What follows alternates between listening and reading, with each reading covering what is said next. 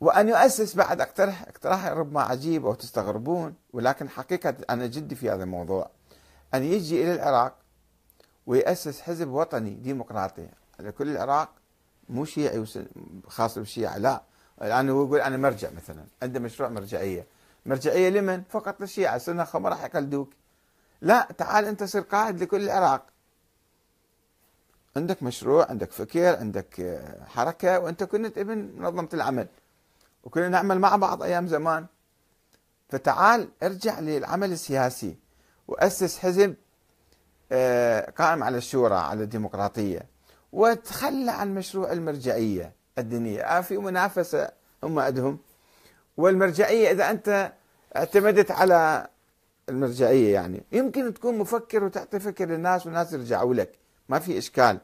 بس أنه هالطريقة عندك وكلاء وتأخذ خمس من الناس بالتالي راح تصير شنو؟ مرتبط بالناس. بالتالي تحاول ترضي الناس. وانت إن شاء الله مو كذلك. يعني هذا كل مرجع لما يمشي بهالطريقه المرجعية لازم آه عينه على الفلوس؟ فلازم يتخلى عن مبادئه ويتخلى عن آه يعني كثير من أفكاره.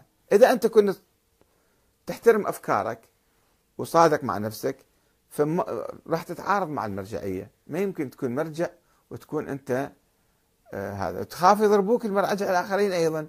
بس سوي لك حزب ما عليك بالمراجع. اتركهم.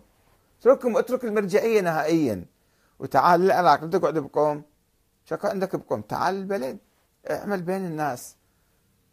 واتحرك وعندك برنامج. روح ادرس الوضع الاقتصادي الوضع التعليمي الوضع التربوي الوضع الأخلاقي بالعراق. وقدم مشروع عمل. اجتهد في هذه الأمور. اجتهد في هذه الأمور وقدم برنامج آه، لإدارة البلد.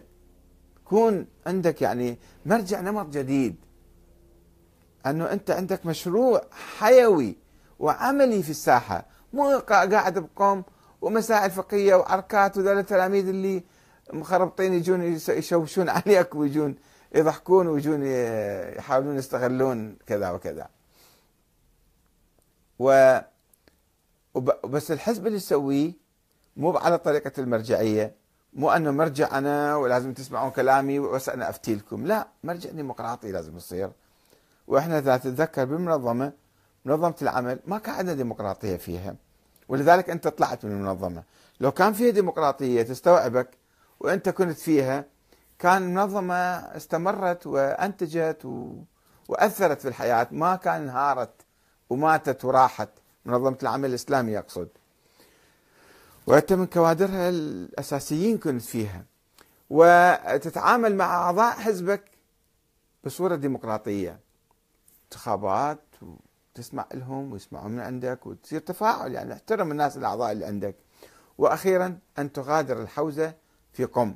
وتتخذ من كربلاء أو بغداد مقرا فكريا وسياسيا لك وتستعين بالله على خدمة الإسلام والشعب العراقي والأمة العربية والإسلامية. والسلام عليكم ورحمة الله وبركاته. وأنا أعتذر إذا كان يعني كلامي في شيء جارح له أنا ما أقصد يعني شيء أهين أحد أو أجرى أحد والعياذ بالله. وسيد كمال صديقي وعزيز علي وأنا أتأذى من ما أشوف ضغط علي وإرهاب وناس يعني ما يستحقون حتى تدرسهم لأنه مو جايين حتى يتعلمون جايين حتى يهرجون. آه،